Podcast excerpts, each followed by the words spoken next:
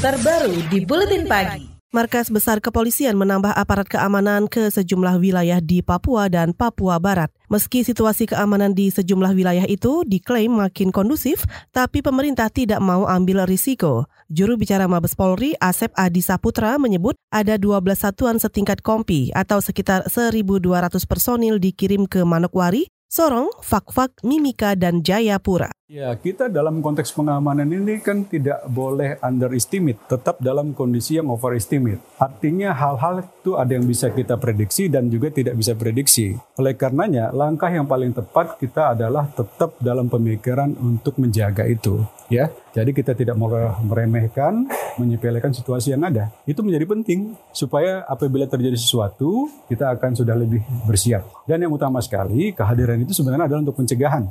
Juru bicara Mabes Polri, Asep Adi Saputra juga mengklaim kepolisian akan melakukan pendekatan kepada masyarakat Papua secara psikis, misalnya dengan semakin merangkul tokoh masyarakat, tokoh adat, dan tokoh agama di Papua dalam berbagai kegiatan seperti perayaan Natal bersama dan kegiatan lain yang dapat saling membangun rasa saling menghormati sesama anak bangsa. Kementerian Polhukam menegaskan penyelesaian masalah Papua tidak pernah hanya dilakukan dengan cara kekerasan saja. Menurut tenaga ahli Kemenko Polhukam Sri Yunanto, kalaupun saat ini ada rencana pengiriman tambahan pasukan keamanan hingga 1.200 personil ke Papua dan Papua Barat, itu bukan berarti penyelesaian dengan cara di luar kekerasan tidak lagi dilanjutkan. Penyelesaian politik soal otonomi khusus itu apa pendekatan militer, bukan militer kan. Di situ dibuka ruang seluas-luasnya. Dialog terus dilakukan oleh tokoh-tokoh pemerintah itu terus dilakukan gitu ya. Pendekatan prosperity ya infrastruktur, tahu kan infrastruktur. Kemudian sekarang kan ada rencana-rencana bagaimana program-program yang terkait dengan kesejahteraan, mengoptimalkan hasil hasil-hasil kekayaan Papua yang non migas itu untuk bisa dioptimalkan lah dijadikan ini ini sudah berjalan bukan tidak berjalan, tetapi kan faktanya masih ada KKSB juga kelompok ini bersenjata itu ya. Tenaga ahli Kemenko Polhukam Sri Yunanto mengklaim kehadiran Menko Polhukam Panglima, TNI dan Kapolri di Papua juga menunjukkan salah satu upaya nyata penyelesaian masalah di Papua.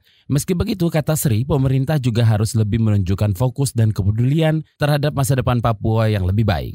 Ketua Majelis Rakyat Papua, Timotius Murib menilai pengiriman tambahan jumlah personil keamanan ke Papua dan Papua Barat merupakan tindakan yang berlebihan.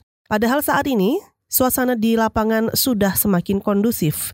Timotius khawatir penambahan jumlah aparat keamanan justru berpotensi memicu bentrokan baru dengan warga Papua. Negara tidak perlu menambah pasukan lebih banyak begitu. Hmm. Itu tidak perlu. Ya kecuali terus-menerus uh, aksi ini dilakukan kemudian uh, pergerakan masyarakat ini lebih luas, lebih banyak barulah saya pikir harus ada penambahan pasukan. Tapi penambahan pasukannya terlalu berlebihan dan ini mengkhawatirkan ada gesekan-gesekan yang akan terjadi dan justru memperkeruh keadaan masalah di Papua. Ketua Majelis Rakyat Papua Timotius Murib juga menyarankan daripada menambah jumlah aparat berlipat ganda, sebaiknya pemerintah memulai dialog dengan para tokoh masyarakat termasuk Majelis Rakyat Papua, tokoh adat dan tokoh agama di Papua. Hal senada disampaikan juga Direktur LBH Papua Emmanuel Gobay yang khawatir penambahan jumlah aparat keamanan justru membuka peluang terciptanya pelanggaran HAM baru.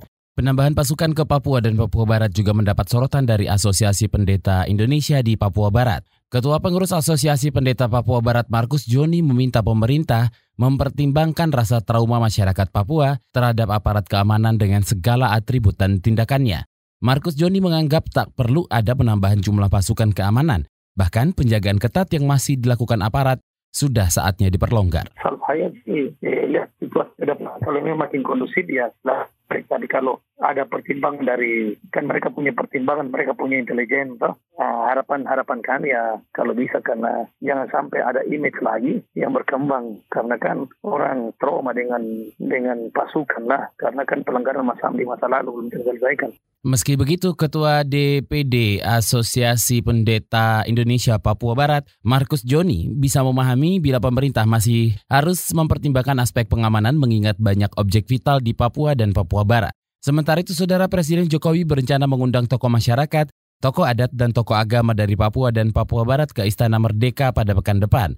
Pertemuan itu untuk membicarakan upaya percepatan kemajuan ekonomi dan kesejahteraan masyarakat Papua dan Papua Barat sekaligus sebagai tindak lanjut dari upaya meredam konflik pasca kejadian rasisme yang dialami mahasiswa Papua di Surabaya dan Malang, Jawa Timur pekan kemarin.